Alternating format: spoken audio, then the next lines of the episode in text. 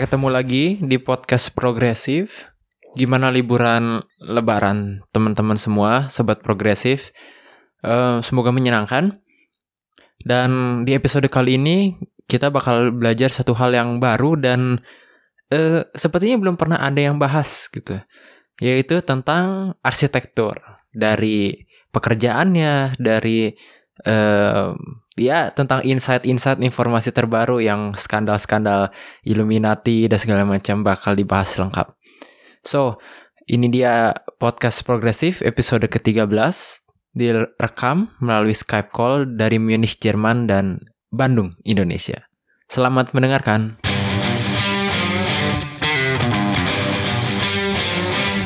So, gue udah ditemenin lagi nih sama seorang temen gue yang dari Bandung ya. Kita satu kampung halaman. eh ya gue agak di pinggiran sih, jadi gue nggak bisa ngaku-ngaku orang Bandung juga. Tapi ya lumayan lah ya. Em, Kali ini kita kan bakal ngomongin tentang eh, arsitektur, tentang eh, desain mendesain, tentang rumah gitu. Nah, kalau menurut gue yang paling cocok untuk ngomongin itu temen gue nih, namanya Benny Do Benny Dojoy. Nah, halo, Halo. Halo. Boleh Apa kabar? perkenalan dulu? Halo. Nama gue Benny Dojoy. Biasa kalau teman-teman di kantor manggil gue Ando sih. Tapi whatever lah. Banyak yang manggil gue Ben, panggil gue Joy. Bebas. Ini gue manggil pendengar lu apa nih? Podcast Wah. mania atau apa Eh, enggak atau eh, sobat? Pendengar progresif. Evan gitu. Eh, Oh, sobat progresif. Iya. Halo sobat progresif. iya. Lah, gua kok kenal lu Beji namanya? Ya sama juga, itu kan singkatan gitu. Ya udah, Jadi gimana? gue dulu tergantung temennya siapa nih. Jadi kalau Hmm. misalnya manggil Ando berarti teman dekat. Oh gitu. Kalau Ben berarti buat bisnis gitu ya gitulah.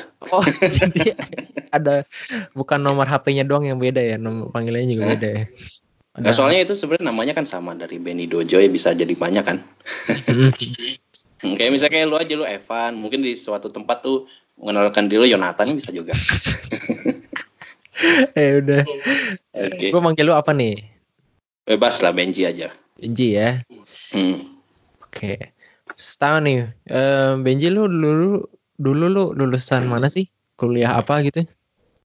Gua kuliah arsitektur di Universitas Parayangan di Bandung. Nah, itu udah lumayan lama ya. Angkatan berapa Ben? Tahun 2000 angkatan gua ini harus disebut ya angkatannya. Gak usah lah, pokoknya Angkatan gua 2018 masih muda ya. 2008. 2008. Sekarang lagi sibuk apa nih Ben? Sekarang ya sekarang sibuk inilah eh, urusan desain mendesain karena gua sekarang kan jadi arsitek nih. Hmm. Ya udah kerjaannya tiap hari ketemu sama gambar, ketemu sama orang minta didesainkan, ada yang rumah, restoran ya tergantung permintaan lah gitu. Nah, nama firma arsitektur lu tuh ini ya, apa Hmm. KAD atau K plus AD biasanya gimana tuh? Bacanya CAD sih. CAD. Oh, CAD. malah disingkat. Iya. Ah, Kenapa tuh? Sebenarnya CAD. Eh karena CAD itu sebenarnya singkatan dari konsultan arsitek digital gitu. Oh. Jadi karena produk-produk yang gua keluarkan eh, adalah produk-produknya digital. Jadi biasanya kalau misalnya arsitek keluarkan gambar kayak itu kan dia market. nanti produk terakhirnya oh enggak lagi market itu tahun berapa Udah, itu? udah zaman. udah, Tahun Jepang udah, itu. udah, udah kolot ya. Ya tapi ada lah beberapa yang kasih market biasanya kalau produk-produk yang udah gede-gede ya misalnya project eh, yang udah 2000 meter persegi atau enggak project kantor biasanya pakailah market tapi gunanya buat presentasi aja sama buat gaya-gaya sebenarnya. Nah kalau zaman sekarang kalau biasanya tuh orang produk terakhirnya itu gambar kerja namanya DED Detail Engineering Drawing. Nah itu tebelnya tuh lumayan tebel banget lah kertas A3 ya lu bayangin Hmm. Terus dia isinya gambar kerja. Kertas A3 berapa lembar tuh? Oh itu bisa 60, bisa 80. Set. Nah itu ngertiinnya susah. Hmm, hmm, hmm. Kalau lu nggak punya pen, nggak punya apa ya, nggak punya dasar-dasar arsitektur atau daya ruang gitu nggak bisa juga ya, nggak susah bayangin ya. ya susah lah. Jadi intinya gini sih sebenarnya kenapa gua kasih nama digital. Jadi eh, produk yang gua keluarin itu dari gambar kerja yang setebal itu tuh semua didigitalisasi. Jadi orang tuh simple. Kalau misalnya bawa bawa gambar, mau ngecek gambar nggak usah bawa gambar kerja yang tebal itu. Hmm. Cukup pakai handphone aja. Nah, Nah. jadi nanti di, di handphone itu gambar 2D-nya udah ada. Terus mau cek semua gambar detail ada, gambar tiga dimensinya ada jadi gitu. Oh, jadi kalau presentasi ke klien udah tinggal bawa HP aja satu gitu. Betul. Nggak usah Oh. repot-repot bawa gambar printan-printan gitu tuh mahal kan ngeprint. Apalagi idenya juga yang berikutnya kan ceritanya go green nih, Oh, betul hemat kertas gitu. Ah, ah, biar nggak terlalu banyak pakai kertas, jadi kita semuanya digital Hmm. gitu. Nah, terus udah berapa lama nih jalan cut ini? Kalau cut sih sekarang udah mau ke dua tahun. Dua tahun ya. Fokusnya Dua ke tahun, memang ke rumah-rumah, ke em, restoran gitu ya. Kalau fokus sih sebenarnya nggak bisa bilang juga ya fokusnya ke mana gitu. Intinya mah ada order apa ya kita kerjain. Oh, jadi kalau ada yang order bikin gedung 60 lantai juga siap aja. gitu. Siap-siap aja sih mau 20 lantai juga boleh. Eh, Hanya sekarang sih kebanyakan yang minta itu eh, rumah tinggal. rumah tinggal ya. Mm-mm, gitu. Gue lihat tuh di Instagramnya Cut itu banyak banget pakai Hmm. ini ya, pakai apa? VR atau AR ya itu sebenarnya AR ya. Ah, ya Oh. itu juga salah satu produk keluaran dari CAT juga. Jadi Iya. karena konsultan arsitek digital ya, ya kan selain produknya harus digital, presentasinya juga harus digital. Biar ada Nah. wow efeknya gitu ya. Kayak oh. Semacam itu juga untuk menaikkan value-nya juga kan. Kebetulan di Indonesia masih jarang yang pakai kayak gitu. Jadi Iya, ya udah kita keren. duluan aja. Ah, ah. Nah, jadi kita tuh punya slogan ya, bukan slogan ya, mungkin kayak apa ya bagusnya ya, kayak moto kali ya. Moto. Jadi, ah. jadi kita motonya itu adalah presenting ideas as fun as you are gaming gitu. Oh. Nah, kenapa kita bikin ide itu? Karena gini, gambar kerja itu ngejelimet. Mhm. Ngertiinnya tuh susah banget gitu. Hmm. Misalnya walaupun sesimpel gambar denah gitu, tapi kadang-kadang denahnya kita udah bikin si kliennya oke-oke aja pas jadi dia bingung kok kayak gini sih gitu. nah, makanya biar hal-hal kayak gitu bisa diminimalisir ya, Iya. kita bikin eh, presentasi yang unik gitu. Jadi presentasinya kayak main game. Hmm. Nah, gimana bentuknya? Pakai VR atau pakai AR. Kalau VR itu virtual reality ya. Jadi Hmm. kita kasih card box ke mereka, ya udah mereka nanti bisa masuk ke dalam eh, produk yang dia inginkan. Misalnya kalau rumah gitu, ya udah nanti dia masuk ke rumahnya, dia bisa lihat ruangan-ruangan yang nanti jadinya seperti apa kayak gitu. Kalau AR ya kebalikannya, jadi dunia digital yang kita bawa ke dunia nyata, gitu Nyata. ya. Jadi, mm-mm, jadi pakai handphone aja, nanti kita bisa lihat rumahnya seperti apa atau bangunan yang diinginkan seperti apa. Skalanya bisa satu banding satu juga. Hah? Gitu. Bisa sampai segede rumah aslinya? Bisa bisa satu banding Oh. satu. Jadi kalau jalan gitu sampai muter-muter-muter gitu bisa juga ya? Bisa banget, bisa Oh, banget. Keren juga. Gitu. Nah makanya itu yang kita salah satu eh, apa produk yang kita tendang lah karena kebetulan kalau kita ngelihat konsultan-konsultan arsitek lain misalnya di IG atau enggak di website gitu kebanyakan mereka yang mereka tawarkan desain gitu kan Mhm. nah terus ada produk presentasi dua dimensi gitu nah kita pengen yang lain gitu kan Karena kita kan harus cari diferensiasi ya Iya. namanya bisnis gitu ya udah kita caranya adalah dengan cara gaming gitu Supaya unggul gitu, supaya ada ya nilai tambah. supaya unggul ya, supaya ada nilai tambah lah gitu Mm-mm. karena emang sangat sulit sih Van kalau kita eh, namanya juga kan bisnis ya Mm. banyak udah banyak ikan di laut gitu kita mau masuk ya kalau kita nggak berbeda ya siapa yang mau lihat gitu kan. Nah, kebetulan nih kan kita berdua ya gue sih sebenarnya walaupun di Jerman tapi KTP masih Jawa Barat. Lu juga Lu juga kan KTP-nya Jawa Barat. KTP Jawa Barat tapi KTP Jerman masih gua simpen kok Kan lu masih ada. ada walaupun udah nggak bisa dipakai Ya jadi jadi ini eh, Benji ini dulu sempat ini ya, sempat jadi apa nih? jadi pencari ini. Cari suaka atau pencari apa? suaka pencari Pencari- pengalaman kali ya Cari pengalaman di Jerman gitu. Nah, balik lagi nih. Eh, nah, kan Gubernur Jawa Barat nih kebetulan juga arsitektur kan ya. arsitek ya Arsitek yang lumayan eh, inilah ternama sebelum dia juga terjun ke Hmm. politik. Nah, terus Hmm. kemarin gue baca-baca ada eh, ya gitulah ya namanya netizen Indo kan lucu-lucu ya. Hmm. Ini apa masjid desainnya Ridwan Kamil tuh di di ini mulu di dijelek-jelekin mulu. Ada yang bilang kayak ya. ada yang dulu banget kayak ini masjid kok nggak ada kabahnya. Eh nggak ada ada Kubah. kubahnya. Aduh kabah mah. Heeh. Nah, atau enggak ini masjidnya kok kayak lambang Illuminati katanya. Aduh, jadi gimana ya? Ya gue mau mau nanya sih. Jadi sebenarnya kalau desain-desain kayak gitu, em, jadi arsitek itu tugasnya beneran mendesain sesuatu atau em, apakah itu beneran semua idenya arsitek atau gimana sih kalau dalam membangun sebuah gedung kayak gitu? Gedung ya, kok kalau gedung tuh banyak Eh, banget yang ini. Iya kayak misalnya si? Ridwan Kamil gitu. Bikin masjid ya. Iya, misalnya contoh bikin masjid aja. Heeh. Iya, itu masjid ya anggap aja gedung gitu kan ya, bangunan besar ya. Iya, bangunan Ya itu besar. banyak banget yang bekerja gitu. Jadi kalau di dunia arsitektur, eh, arsitek itu nggak kerja sendiri. Arsitek itu ada chiefnya. Mungkin di dalam pembangunan perancangan ya, perancangan masjid itu mungkin chiefnya RK gitu ya. Terus nanti itu ada lagi tuh arsiteknya tuh ada empat, ada lima gitu yang bikin konsep. Nanti setelah itu dilempar lagi ada yang bikin gambar kerja detail. Jadi banyak banget gitu yang bekerja di dalam satu project.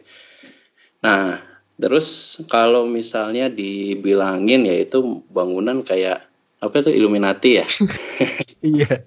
Sebenarnya itu mungkin harus ditanyain dulu itu orang yang bikin Illumi, bikin bilang Illuminati mungkin dia tahu nggak sih sebenarnya Illuminati apa? Jangan-jangan Ya cuma tahu. emosi doang gitu kan. nah, ka- sebenarnya kalau kita misalnya balik ke apa ya ke sejarahnya gitu kalau Illuminati intinya dari simbol ya simbol segitiga itu kan yang jadi masalah ya yang setahu gua terus sama all seeing eye itu kan mm-mm. nah kalau masalahnya cuma karena segitiga gitu ya itu sebenarnya semua bangunan tradisional Indonesia tuh kena semua itu bisa jadi Illuminati Lima. semua jangan-jangan rumah rumah limas ya segitiga sih atau apa Jadi, gitu. Indonesia ini kan dari Aceh sampai ke Papua itu kan rumah adatnya tuh beda-beda semua tuh. Oh Tapi iya Kurang lebih semuanya mirip-mirip mas segitiga semua. Hmm, iya benar benar Jadi benar kalau misalnya sesimpel cuma segitiga, waduh ini Indonesia bisa hilang identitas gitu kan. Terus Eh.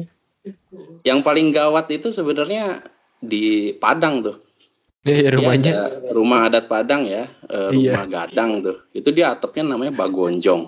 Oh. Itu bisa aja nanti disebut-sebut orang, oh itu Illuminati, udah ada empat lagi, bentuknya kebo lagi, oh itu jangan-jangan Baphomet, bisa aja. eh itu bukannya di Padang doang loh Jadi- itu rumah, rumah makan Padang ya ada bagojongnya juga Hmm. kan biasa Iya intinya Bagonjong itu itu kan si atap rumah gadang itu. Jadi ya emang sih biasanya emang simbolisasi itu kalau untuk Illuminati emang penting gitu. Tapi bukan berarti kita nggak bisa pakai dan Hmm. kita bilang bangunan adat kita yang segitiga itu apa namanya segitiga gitu. Illuminati itu sebenarnya agak-agak konyol sih kalau menurutku sih.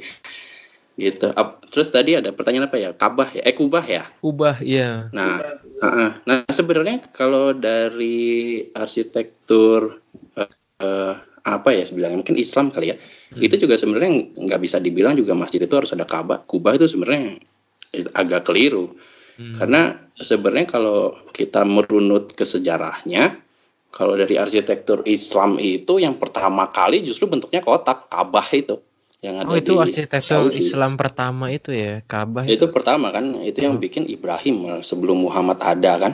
Hmm. Nah, nah terus baru di eranya eh, Ottoman ada ada kemajuan teknologi. Nah bisa dia bikin bulat. Oh. Makanya Hagia Sophia di Turki bentuknya bulat. Hmm. Ada kabahnya, eh, kayak ada kubahnya seperti gitu kan. Nah lalu ditirulah semakin eh, hebatnya zaman waktu itu.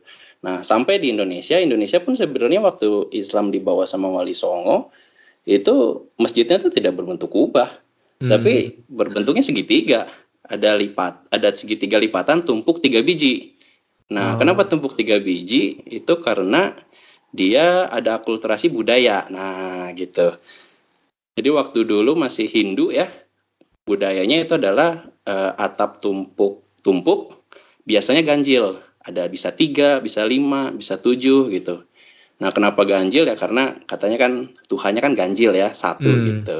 Jadi representasinya seperti ke sana. Nah, baru masuk Islam ke Indonesia ya atap yang tiga tumpuk itu jadilah masjid.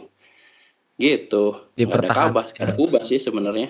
Kubah tuh jadi kayak apa ya? eh, semacam kemajuan teknologi yang ada di Timur Tengah.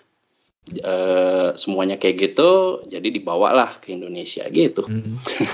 Jadi sebenarnya ya i- budaya Indonesia juga kaya ya, mas. Nggak nggak yang terpaku masjid itu harus kayak gini kayak gitu. Banyak banget masjid yang hasil Hmm. itu tadi apa alkulturasi dari berbagai Kulturasi macam budaya. budaya. Betul. Emang coba aja tuh. Sebenarnya kita tuh Indonesia ya itu negaranya tuh kaya banget.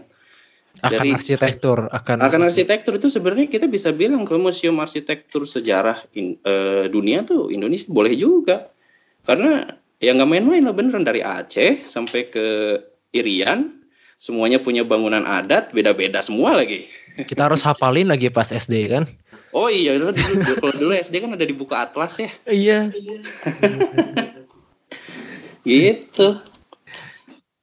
Hmm, Jadi memang arsitektur tuh di Indonesia udah dari dulu ya istilahnya apa ya sudah mendarah daging lah. Kita bikin sesuatu tuh nggak cuma kotak-kotak aja tapi udah ada seninya gitu. Udah ada Setuju banget Eh. gitu. Itu kan sebenarnya tentang konteks ya. Itu kan karena ada dari alam, dari sosial budaya gitu yang membangun yang menjadikan arsitektur itu. Kayak misalnya eh kita bilang Padang aja eh sorry Sumatera Barat ya dia rumah rumah gadang itu. hmm, Dia kenapa bentuknya kayak bentuknya atapnya itu dari kerbau itu kan karena dulu ceritanya zaman Majapahit kalau nggak salah em, ada pertandingan gitu ya tanding kerbau antara Majapahit sama orang Minang. Orang Majapahit bawa kerbau yang kuat, si orang Minang tuh cuma bawa kerbau yang nggak dikasih makan gitu, lapar. nah terus di tanduknya dikasih kayak kayak apa ya kayak jarum-jarum gitu.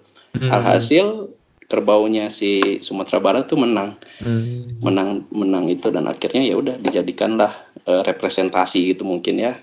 Itu kan juga dari sosial gitu. Hmm. Iya. Terus semakin banyak tanduknya berarti artinya kasta orangnya masih Yang tinggal semakin tinggi. Hmm. Mm-mm. itu Yang semuanya ada artinya gitu dari bentuknya. Mhm. Tapi ya bukan berarti artinya oh itu Illuminati yang itu sebenarnya. iya. Gitu. Seperti di Toraja juga gitu ya di itu Wah, itu keren banget sih.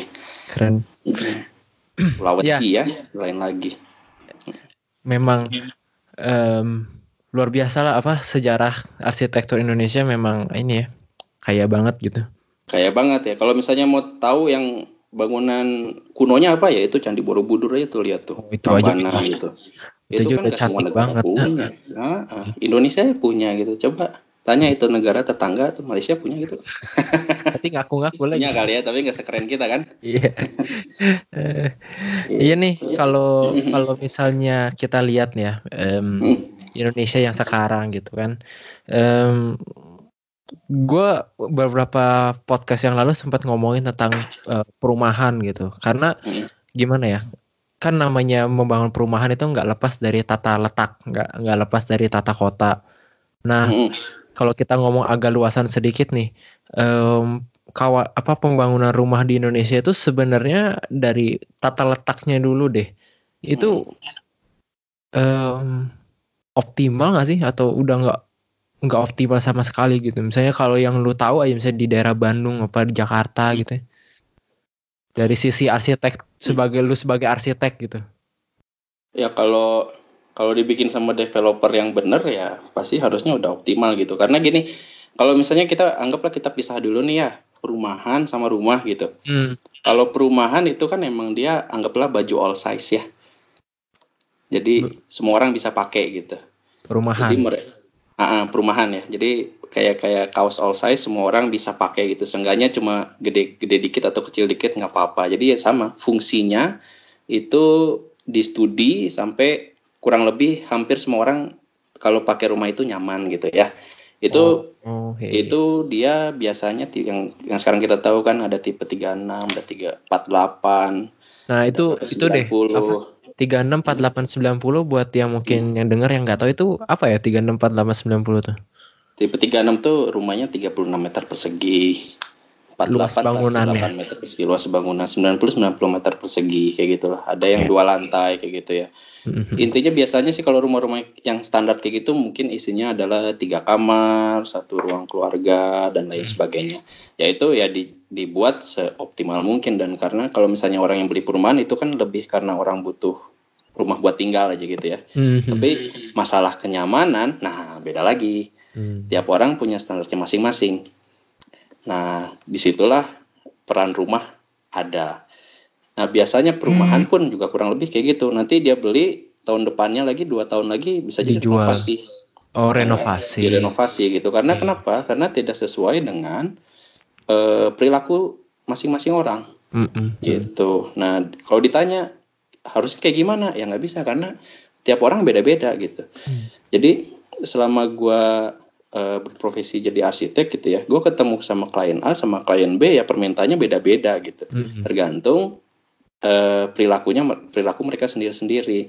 Ada orang yang emang misalnya hobinya masak nih, Mhm. ya dia dari keluar rumah pengennya masak aja gitu, dikasih dapur yang keren gitu, walaupun tanahnya kecil-kecil aja.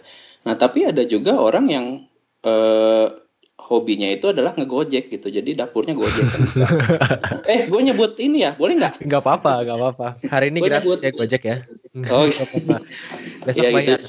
Ah, nah sekarang sekarang zamannya pun udah kayak gitu. Jadi eh, akhirnya mereka justru ada yang nggak nggak butuh dapur sama sekali gitu. Hmm. Jadi standarnya yang nggak bisa kita bilangin harus gini harus gini tergantung pemiliknya gitu.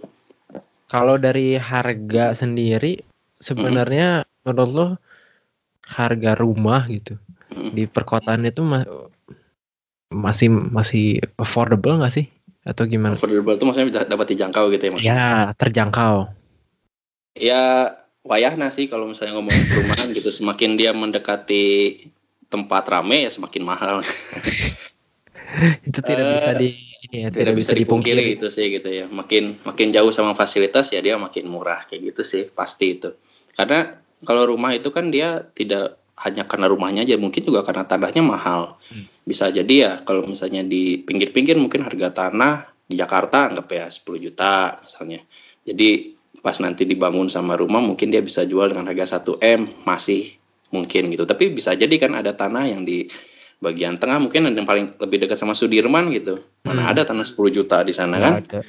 Gitu jadi ya balik lagi sih tergantung sama tempat tergantung sama fasilitas yang ditawarkan kayak Oh gitu. sama kalau di Jakarta tuh ada tuh uh, developer gede banget kayak ini lingkungannya bebas banjir gitu itu juga mempengaruhi harga oh ya. itu pengaruh banget pengaruh Iya. pengaruh Mm-mm, jadi kalau ya apalagi kalau misalnya kota Jakarta gitu kan yang wayahna gitu kan ada banjir dalam beberapa tahun yang yang nggak kena banjir pasti harganya lebih mahal Hmm. gitu Nah, gue sebenarnya penasaran sedikit nih kalau kita lihat nih apa di dalam rumahnya sendiri. Em, menurut lu rumah yang sehat itu harusnya kayak gimana sih? Karena Ah, ya, rumah sehat Hmm. nah kan gini loh, karena kan gua kan kul- eh, lu juga pernah tinggal di Jerman kan, dan gue Hmm. juga sekarang tinggal di Jerman. Yang Hmm. gue perhatikan tuh di sini semua rumah tuh sangat diperhatikan aspek minimal aspek kesehatannya. Mm-mm. Kayak eh ya itulah banyak yang yang minimal satu adalah setiap kamar itu selalu ada jendelanya Mm-mm. gitu. Nah kalau di Indonesia gimana? Ya itu setiap kamar ada jendela itu kalau dari di cut itu SOP itu. Oh itu SOP Itu harus SOP ada. gitu itu. Ah, wajib. Jadi kalau ditanya rumah sehat, kuncinya satu aja. Eh kuncinya dua. Yang pertama cross ventilation. Jadi Hmm. setiap ruangan itu harus dapat dimasuki sama udara. Nah, yang kedua itu adalah sinar matahari gitu. Jadi dua itu aja kuncinya. Nah, Sinar kalau mataharinya gimana tuh maksudnya? sinar matahari harus masuk ke dalam ruangan. Secara Gitu. langsung atau eh, gimana? Ter tergantung menghadapnya mana. Oh. Jadi gini, kalau di bedanya di Eropa sama di Indonesia tahu nggak kayak gimana? Kalau rumah aja. Hmm. Kalau di eh, Jerman atau enggak di Eropa ya, dia kan ada di subtropik tuh Dia Hmm. cuma dia ketemu empat musim. Semi, gugur, apa lagi? Panas, Panas, sama, sama- eh, dingin. Sama dingin gitu. Tapi curah hujannya kecil. Iya. Nah, kan? Nah, makanya kalau kita lihat rata-rata ya, nggak semua. Rata-rata rumah-rumah yang ada di Eropa itu bentuknya kurang lebih kotak. Iya. Kotaknya tuh persegi.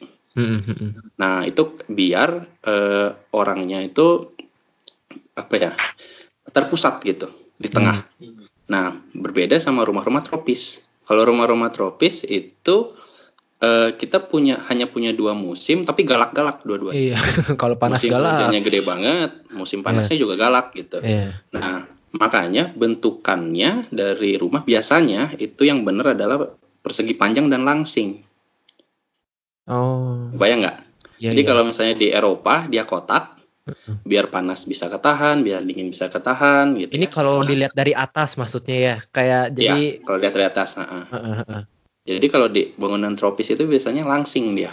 Hmm. Nah, Supaya kenapa apa dia tuh? langsing? Kayak kayak apa ya? Gue nggak bisa nunjukin gambar kan? Supaya apa maksud gue? Supaya Oh apa? supaya apa? Supaya pertama setiap ruangan udara bisa cepat keluar, cepat masuk. Kebalik ya, cepat Oh. masuk, cepat keluar. Oke. Terus dapat cahaya matahari.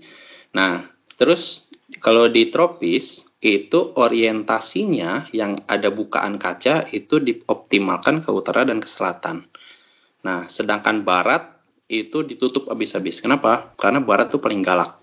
Hmm. Jadi jam 4 sampai jam 6 itu udah sinar Sengsara. mataharinya panas. Habis itu kan lembab lagi di sini itu ya Iya. kesangan pasti. Makanya Hmm. biasanya kalau kalau arsitek yang merancang dengan baik gitu ya dia melihat eh, mata angin pasti bagian baratnya tuh dia tutup. nggak ada jendela, nggak ada apa gitu sama sekali. Kalaupun ada jendela dia kasih kisi-kisi gitu. Hmm. Jadi intinya nggak langsung ketemu sama matahari tapi bagian selatan itu di, dioptimalkan. Nah, bagian timur ini agak-agak lucu. Dia emang agak panas ya setelah Iya. jam 9, tapi justru jam pagi-pagi jam 6 sampai jam 8 itu tuh bagus. Hmm. Nah, makanya kalau kamar-kamar utama, kamar-kamar tidur itu biasanya dihadapkan ke timur. Timur. Kenapa?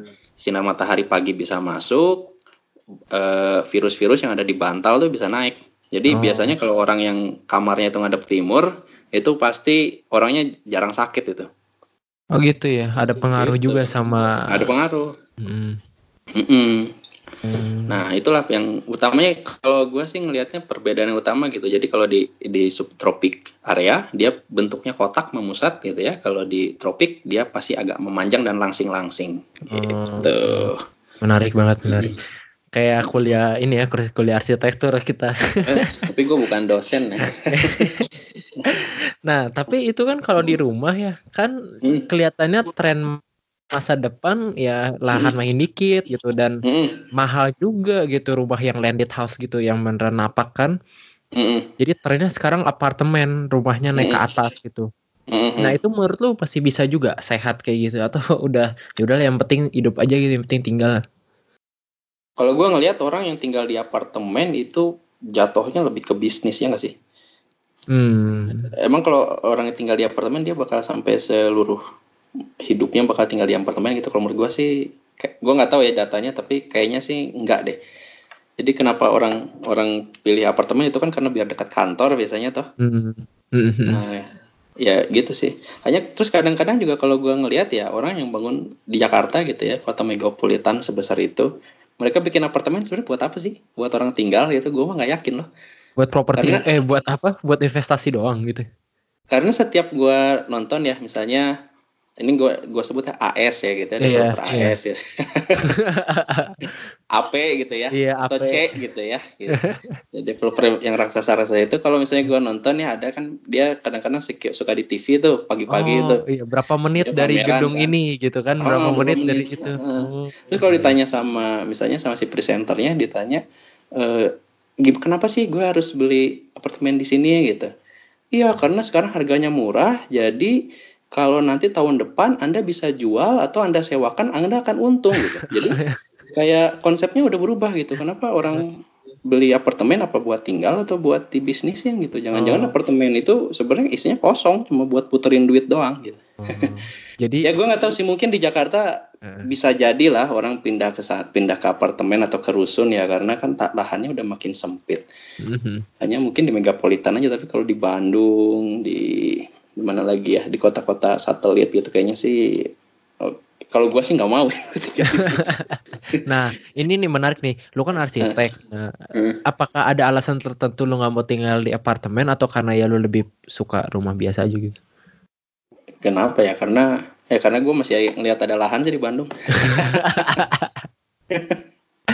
eh, tapi di Bandung tuh di eh. di rumah gue tuh di Kota Baru, Kota. Baru Parahyangan itu mahal eh. gila. Sekarang udah rumah tipe tiga nih udah berapa m gitu loh. Oh ya itu pastilah. Apalagi bentar lagi mau ada IKEA kan situ. Oh iya bener, baru baru baru peletakan batu pertama harganya langsung naik semua di situ. Iya betul. Berarti lu rumah lu tuh untung banget ya lu lihat dapat rumah di situ. iya. itu gua pindah ke situ 2004 men belum ada apa-apa. Iya, sekarang lu udah untung gede ya. iya, iya, bukan gua sih. Bokap gua. Ah, iya mantap ya nanti juga jatuh-jatuhnya ke lu juga. Iya. Kan? ya, tapi kalau gua ngerasa ya orang Indonesia kayaknya nggak mau deh tinggal di situ. Nggak tahu sih kalau kalau menurut pandangan gua. Hmm, mungkin akan tinggal di apartemen tapi untuk sementara waktu gitu. Pada ujungnya juga goalnya mungkin pengen punya landed house menurut gua sih. Iya sih kayaknya cuma ya mungkin sambil nabung-nabung nanti kalau ya. tabungan cukup bayar uang apa bayar uang muka langsung pindah gitu ya mungkin gitu ya kan gue juga nggak punya data sih iya ya. gue juga sih nah, hanya kalau kalau menurut gue sih gue dan teman-teman dan circle gue sih ya apartemen cuma untuk apa ya selingan aja lah hmm. buat nikung ya gitu. aduh gitu. nah hmm. ini dua pertanyaan terakhir nih um, apa tuh kan kan lu udah berapa tahun ini kan ikut bisnis di hmm. area arsitektur dan juga lu ya lu banyak lu juga udah bertahun-tahun kerja kan di dunia ini di dunia arsitektur perancangan gitu. Um, mm-hmm. Apa sih menurut lu peraturan yang paling aneh dan yang pengen lu ubah kayak ini peraturan pemerintah nggak jelas nih gitu, pengen lu ganti atau misalnya yang pengen lu tambahkan gitu? Tambahin ya, aduh. Ya apalah yang lu kepikir gitu. Tapi mungkin gini sih kalau kalau gue ngelihatnya gini, uh, Bandung ya, hmm. karena gue gua lahir di sini gitu gue tinggal di sini gue tahu banyak tentang ini terus gue belajar arsitektur pun di sini gitu Bandung ini kan dia lu pernah dengar Art Deco nggak? Ya pernah. Jadi, jadi kita tuh bisa bilang Bandung itu museum arsitektur kolonial tuh boleh kita bilang gitu. Iya iya. Karena di sini tuh banyak banget bangunan-bangunan peninggalan Belanda ya. Hmm. Dan itu yang berancang tuh arsiteknya bukan main-main itu. Arsitek yang bikin menara Eiffel juga kali ya? Enggak sih, enggak gitu. Jadi salah satu bangunan kita sebutnya sekarang bangunan heritage atau bangunan cagar budaya. Nah itu misalnya Villa Isola. Di Nah, yang di Braga nggak sih? Ah Braga juga sekarang udah termasuk bangunan heritage gitu. Nah terus Hotel Savoy Homan. Oh iya benar-benar. Nah itu. itu tuh bangunan heritage gitu. Nah di beberapa tempat gitu ya let's say lah yang paling gampang Dago ya. Hmm. Dago tuh sebenarnya peninggalan uh, arsitektur Belanda. Belanda juga, tapi seiring berjalannya waktu mulai berubah lah jadi ini kan jadi komersial ya. Nah, beberapa ada yang uh, mempertahankan bentukan Belanda itu, tapi beberapa ada yang benar-benar udah ngabisin gitu. Dihancurkan. Dihancurkan terus dibikin bangunan yang baru modern ya oke okay lah modern gitu. Hanya esensinya tuh kayak lain gitu. Jadi kalau misalnya mungkin gue gue punya gue bisa pegang peraturan gitu ya. Bangunan-bangunan yang peninggalan-peninggalan itu tuh harus kita restorasi gitu. Jadi hmm. itu tuh ngebuat apa ya ngebuat tempat yang kita tinggal itu ada ada bedanya lah, ada uniknya gitu. Hmm. Itu kalau di Bandung, mungkin kalau di Padang juga ya bangunan apa ya itu mungkin atap-atap itu juga harus dipertahankan jangan hmm. dihajar gitu kalaupun hmm. ada yang bikin gedung ya nggak mesti bentukannya begitu sih tapi eh, tapi masih adalah eh, nilai-nilai sejarah yang kita implan gitu ke hmm. ke depan jadi bukan bangunan modern tapi bangunan modern yang mempunyai ciri khas budaya karena ya kita tuh Indonesia tuh kaya banget sama budaya gitu jangan dihilangkan itu Ah, Terus apa ya? Mungkin Lombok ya contohnya juga. Jadi Lombok itu waktu kemarin kena gempa ya. Iya. Nah, tahu nggak bangunan yang masih bertahan tuh rumah-rumah apa? Rumah-rumah ini, rumah-rumah suku suku aslinya kan? Nah, Rumah betul rumah adat. Cagar budaya ya. Ah, rumah adat sana bukan. Jadi rumah jadi Lombok itu rumah adatnya itu dibuat dari kayu kelapa. Oh. Nah, jadi seiring berjalannya waktu karena kan pengen sama nih, pengen kelihatan nggak mau kalah nih sama Jakarta misalnya gitu. Iya. Dibikinlah rumah beton. Nah, tetapi kan eh, tipologinya atau apa eh, tanahnya kan sangat berbeda sama tanah di Jakarta gitu. Hmm. Mereka bikin zaman dulu orang bikin bangunan pakai kayu kelapa kan nggak sembarangan untuk biar tahan sama banjir misalnya kayak gitu atau enggak bisa tahan sama gempa gitu karena kan kayu kelapa tuh elastis banget gitu. Nah, Hmm. yang terbukti tuh sekarang yang Iya, bertahan justru karena karena gempa itu ya bangun-bangunan adatnya, bangun-bangunan yang beton-beton yang kelihatannya katanya keren malah hancur gitu ya. Justru mungkin itu yang gue pertahankan lah gitu sih. Mm-mm. Sama sih apa ya gue juga kemarin baru lewat kota tuanya di sini di Munich Jerman. Eh, dia bikin supermarket modern dalamnya tapi depannya tetap dipertahankan gedung-gedung tua gitu. Jadi kayak satu sisi malah keren gitu. Jadi kayak uh depannya gedung tua banget dalamnya super Hmm. modern jadi ya Mm. win-win gitu Iya sih, kalau gue sih setuju banget sih sama itu karena ya yang membedakan kita dengan yang lainnya itu adalah sebenarnya karena karena budaya gitu. Kebetulan kita diwarisi budaya yang sangat melimpah gitu ya. Kenapa dilupakan? iya benar-benar Gitu. salah satu saksi bisu apa salah satu peninggalan sejarah Iya. gedung itu banget. Hmm. Ya, setuju banget. Oke deh. Gitu. Terakhir Mm-mm. deh, apa nih Terakhir. saran lu buat yang mau kuliah arsitektur atau mau jadi arsitek atau pengen berkecimpung di area ini juga, area desain, area perancangan gitu. eh arsitek itu ya ibaratnya kayak lari maraton gitu ya. Jadi bahkan sampai kayak gua pun gue juga masih belum tahu finish gua di mana gitu. Jadi eh, intinya pertama harus sekolah dan sekolahnya itu nggak akan pernah berhenti. ya walaupun lo udah dapet sertifikat itu belum berarti sekolah selesai gitu tidak. Dia dia kita tuh sekolah terus gitu karena kita ketemu sama klien A, klien B, klien C itu kita sekolah lagi, kita sekolah lagi gitu. Secara tidak langsung ya. Hmm. Nah, makanya kalau dari circle gua banyak yang nggak mau jadi arsitek. Dia sekolahnya arsitek, habis itu nanti udah lulus dia mungkin jadi WO. Oh dia banyak. jadi orasi itu banyak. Yang jadi arsitek tuh mungkin berapa ya? Kalau dari teman-teman gue sih mungkin sekitar 20 atau 15 persennya aja. Dikit banget ya dari yang Dikit gitu arsitek. kan. Hmm. Mm-mm, karena karena emang jalannya panjang gitu. Jadi kalau emang eh, mau jadi arsitek yang pertama harus suka gitu kan Hmm. Hmm. harus suka terus harus mau belajar harus selalu mau open minded gitu ya terus eh, ya jangan pernah berhenti belajar lah itu aja sih intinya itu Sip deh. Mm-mm. Terima kasih ya, eh, Bang. Benji untuk waktunya. Terakhir m- apa? Buat yang tertarik buat research atau mungkin pengen ngelamar pekerjaan gitu, atau pengen cari ini ny- nyari apa? Fir, firma arsitekturnya yang yang kece ini di mana nih? Apa eh, sosial media apa websitenya punya cut?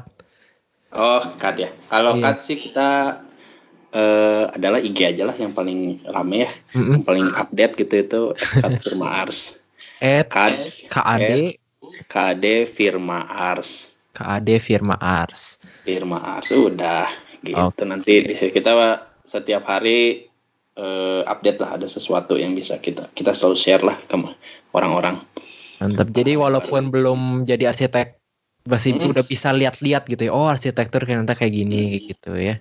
Iya Hmm. harus kayak bisa kayak gitu jadi mau ya mau tanya-tanya juga boleh gitu tapi Ah. paling bagus adalah eh, tanya ke kita dan bawa proyek Itu mah semuanya pengennya kayak gitu. iya dong Iya Oke dong. deh.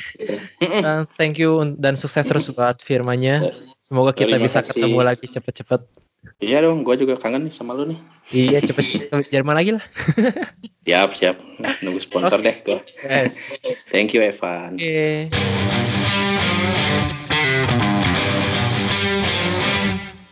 Iya itu dia perbincangan gue dengan Benji.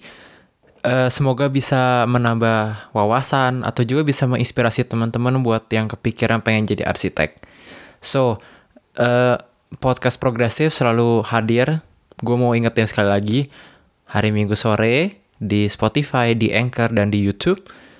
Jadi stay tune dan juga share ke teman-teman semua. Jangan lupa subscribe dan juga follow di Spotify. Oke? Okay? Dan gue mau mengucapkan terima kasih sekali lagi kalau podcast progresif sudah bisa uh, didengar lebih dari ribuan pendengar. Semua itu gue lakukan cuma supaya lebih banyak orang yang terinspirasi lagi dan lebih banyak orang yang punya wawasan lebih luas lagi. Oke? Okay? So, tetaplah jadi orang-orang yang progresif, generasi yang progresif.